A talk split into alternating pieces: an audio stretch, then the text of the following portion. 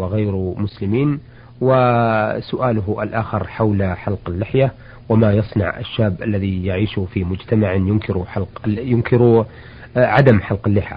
بقي عليه سؤال آخر يقول عندنا في مصر المساجد آه، التي توجد عليها وفيها آه، الأضرحة موجودة فيها بدع ومنكرات ويقيمون عليها السرج ويتخذون حولها المعازف والغنى وبعض ألوان الدجل مثل السحر وترتكب فيها بعض المنكرات. آه، مثل آه، ومثل بضريح السيد البدوي بطنطا وغيرها في أنحاء الجمهورية غير أنهم لا يؤدون الصلاة فيها على حقها آه، أو على وجهها أو حقها الأوفى والوجه الأكمل. أفيدونا أفادكم الله عن ذلك. الحمد لله رب العالمين والصلاة والسلام على نبينا محمد وعلى آله وأصحابه أجمعين. أما بعد فإن بناء المساجد على القبور محرم لعن النبي صلى الله عليه وسلم فاعله. لعن ذلك وهو في السياق عليه الصلاة والسلام حيث قال لعنة الله على اليهود والنصارى اتخذوا قبور أنبيائهم مساجد. فبناء المساجد على القبور هو من فعل اليهود والنصارى وهو داخل بل وهو من موجبات لعنة الله تبارك وتعالى.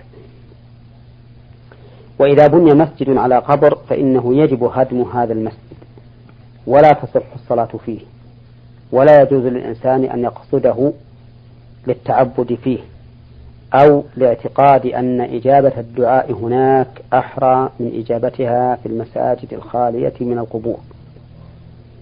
وكذلك أيضا لا يجوز أن يدفن ميت في مسجد قد بني من قبل. فإن دفن ميت في مسجد قد بني من قبل فإنه يجب نبشه وإخراجه ودفنه مع المسلمين إن كان من المسلمين أو مع غير المسلمين إن كان من غير المسلمين. والمهم أنه لا يجوز أن يوضع القبر في المسجد ولا أن يبنى مسجد على قبر. ولا يجوز أيضا أن يعتقد المرء أن هذه المساجد المبنية على القبور أفضل من غيرها بل هي مساجد باطلة شرعا يجب هدمها والقضاء عليها.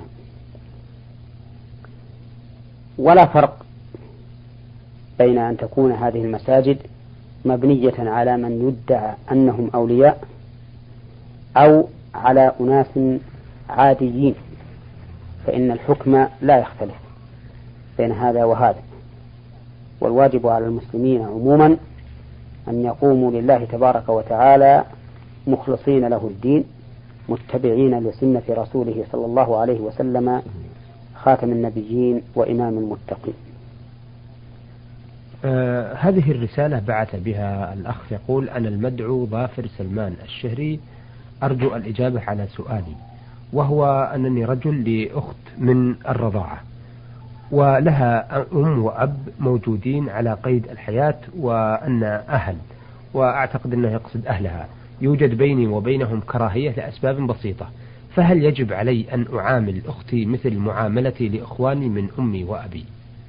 ويقول مثلا لذلك يقول أنني إذا أتيت من سفر فهل يلزمني أن أشتري لها مثل ما أشتري لإخواني الباقين؟ أرجو الإجابة. لا شك أن الرضاعة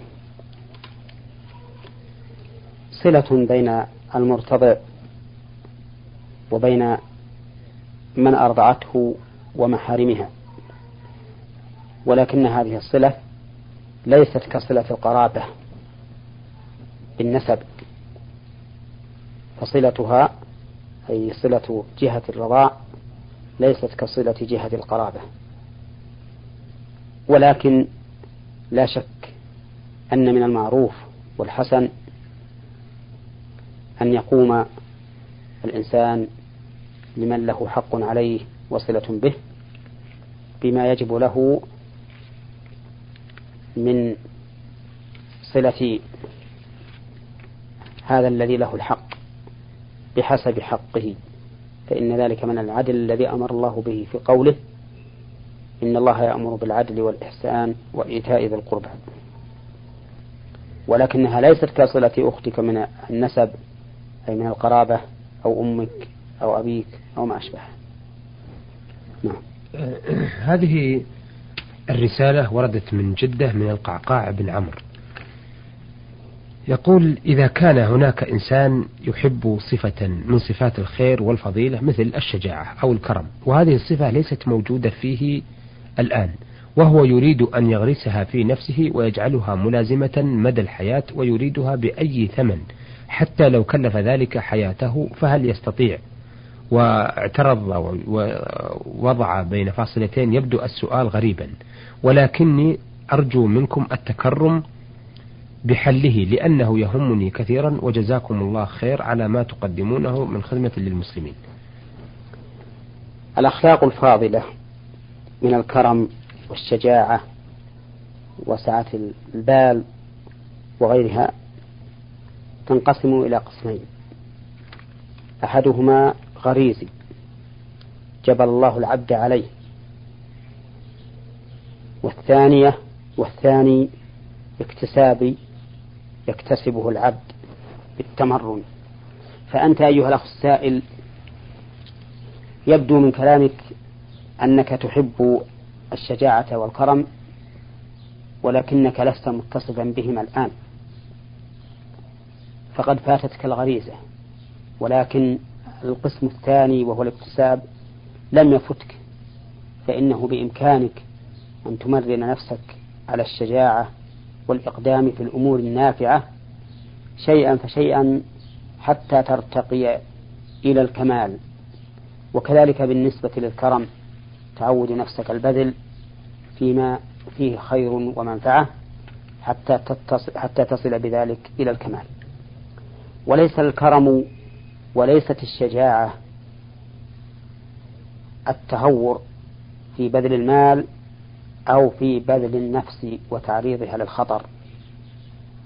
بل إن الكرم هو بذل المال في محله والشجاعة أيضا بذل النفس في محلها.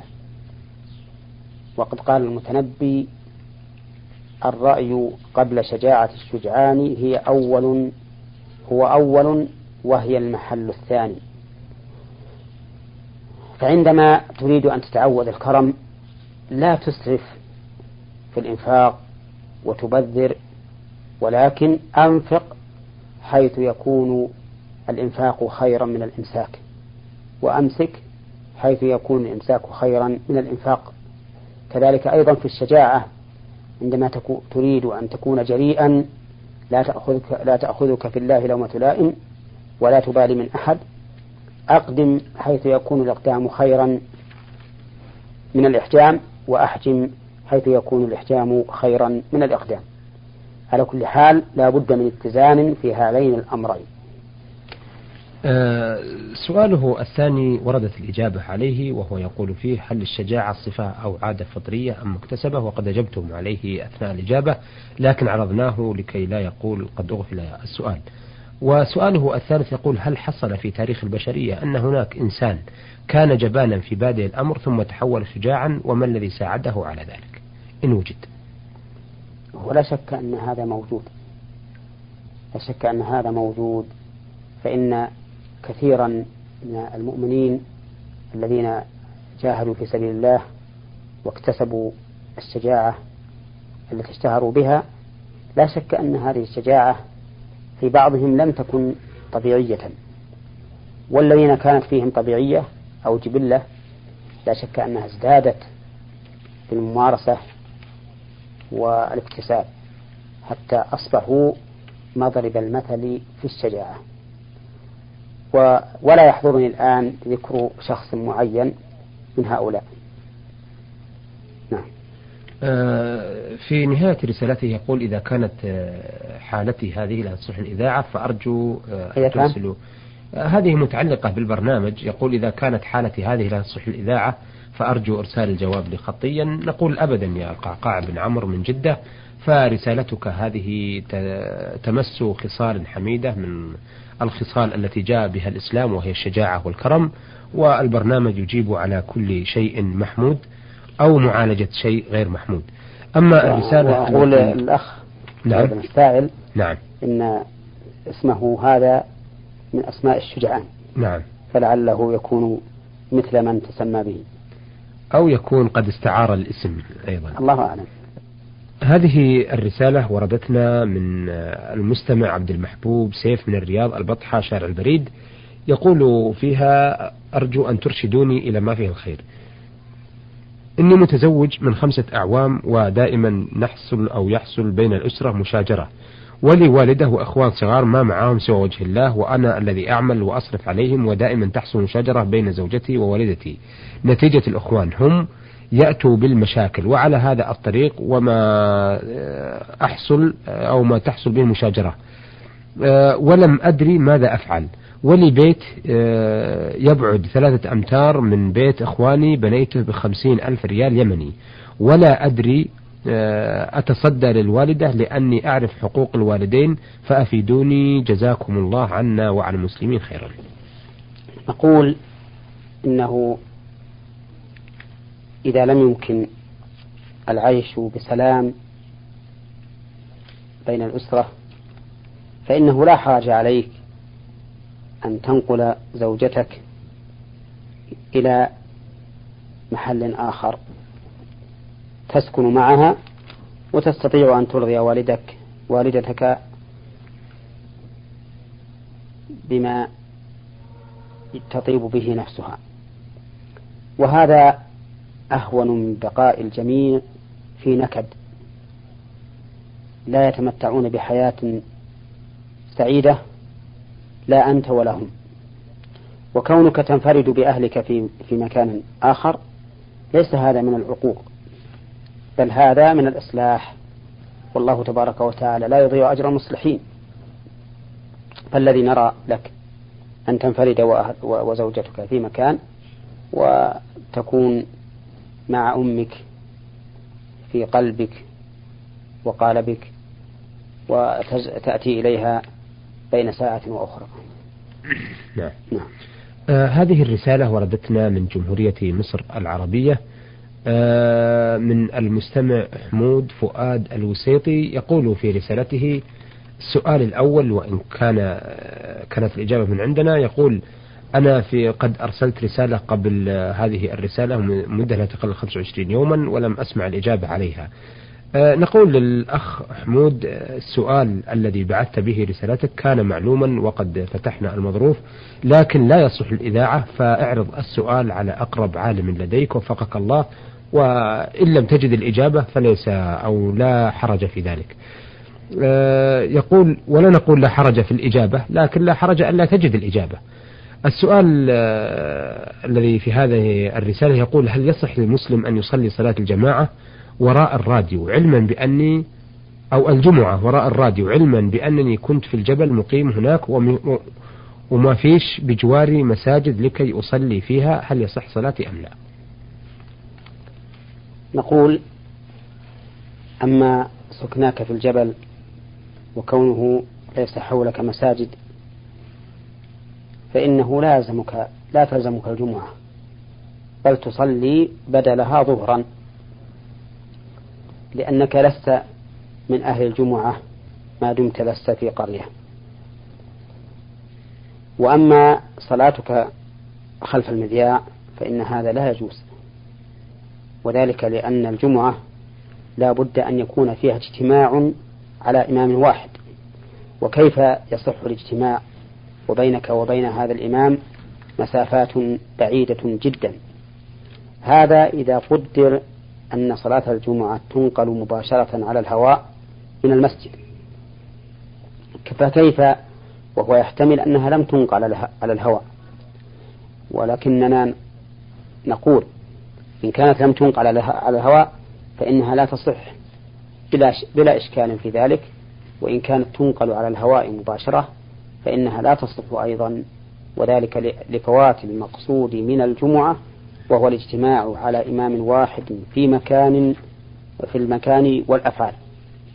نعم. والمسافات البعيدة هذه لا يتحقق معها هذا الشرط الذي لا بد منه في الجمعة والجماعة أيضا. آه هذا السائل يقول آه، من الحدود الشمالية مدينة رفحاء من الحرس الوطني نايف عبد الله الحربي يقول أفيدكم أنه جرى علي حادث وذلك في وقت ليل ودخلت المستشفى ونذرت نذر أني ما أسافر بالليل إلا وقت النهار آه، وعندما تعافيت ولله الحمد والشكر أجبرتني الظروف أن أسافر بالليل. أرجو الإفادة عن هذا الموضوع وما هي الكفارة الذي أنتم تنصحوننا فيها بحيث أني صاحب عمل ويمكن العمل أو الواجب يجبرنا على ما, ما ذكرت وفقكم الله. نقول أولا لا ينبغي للمؤمن أن ينذر فإن النبي صلى الله عليه وسلم نهى عن النذر وقال إنه لا يأتي بخير.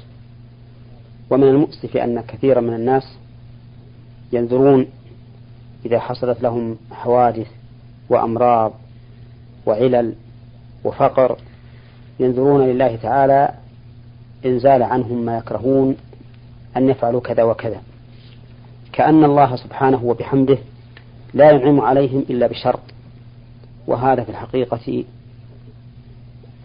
خلل ونقص والذي ينبغي للمرء ما دام الله قد عافاه من هذا النذر الذي يلزم به نفسه أن يحمد الله على العافية وأن لا ينذر لا سيما وأن النبي صلى الله عليه وسلم قد نهى عن النذر. وأما موضوع نذرك أنت فإن نذرك هذا له حكم اليمين لأنه نذر على ترك مباح. فأنت لا بأس أن تسافر في الليل وأن تكفر كفارة يمين وهي عتق رقبة أو إطعام عشرة مساكين أو كسوتهم فإن لم تجد فصيام ثلاثة أيام. ومن المعلوم أن إطعام عشرة مساكين في وقتنا هذا متيسر جدا ولله الحمد. فأنت أطعم عشرة مساكين إما أن تدعوهم إلى بيتك وتغديهم أو تعشيهم وإما أن تملكهم فتدفع إليهم صاعين من الرز إن كانت الأصواع عندكم مثل الأصواع هنا في القصيم. وإلا فإن المعتبر بالكيلو كيلوين وأربعون غراما. لكل أربعة مساكين من الرز تدفعه إلى العشرة ويحسن أن يكون معه شيء يقدمه من لحم أو غيره. وبهذا تبرأ ذمتك. شكرا أثابكم الله. أيها السادة إلى هنا نأتي إلى نهاية لقائنا هذا الذي عرضنا فيه رسائل السادة رفعت علي محمد السيد من جمهورية مصر العربية وظافر سلمان الشهري والقعقاع بن عمرو من جدة والمستمع عبد المحبوب سيف من الرياض البطحة شارع البريد وأحمد فؤاد الوسيطي من جمهورية مصر العربية وأخيرا رسالة نايف عبد الله الحربي من رفحة الحدود الشمالية. عرضنا ما وردنا في رسائلهم من أسئلة واستفسارات على الشيخ محمد بن صالح عثيمين الأستاذ بجامعة الإمام محمد بن سعود الإسلامية في القصيم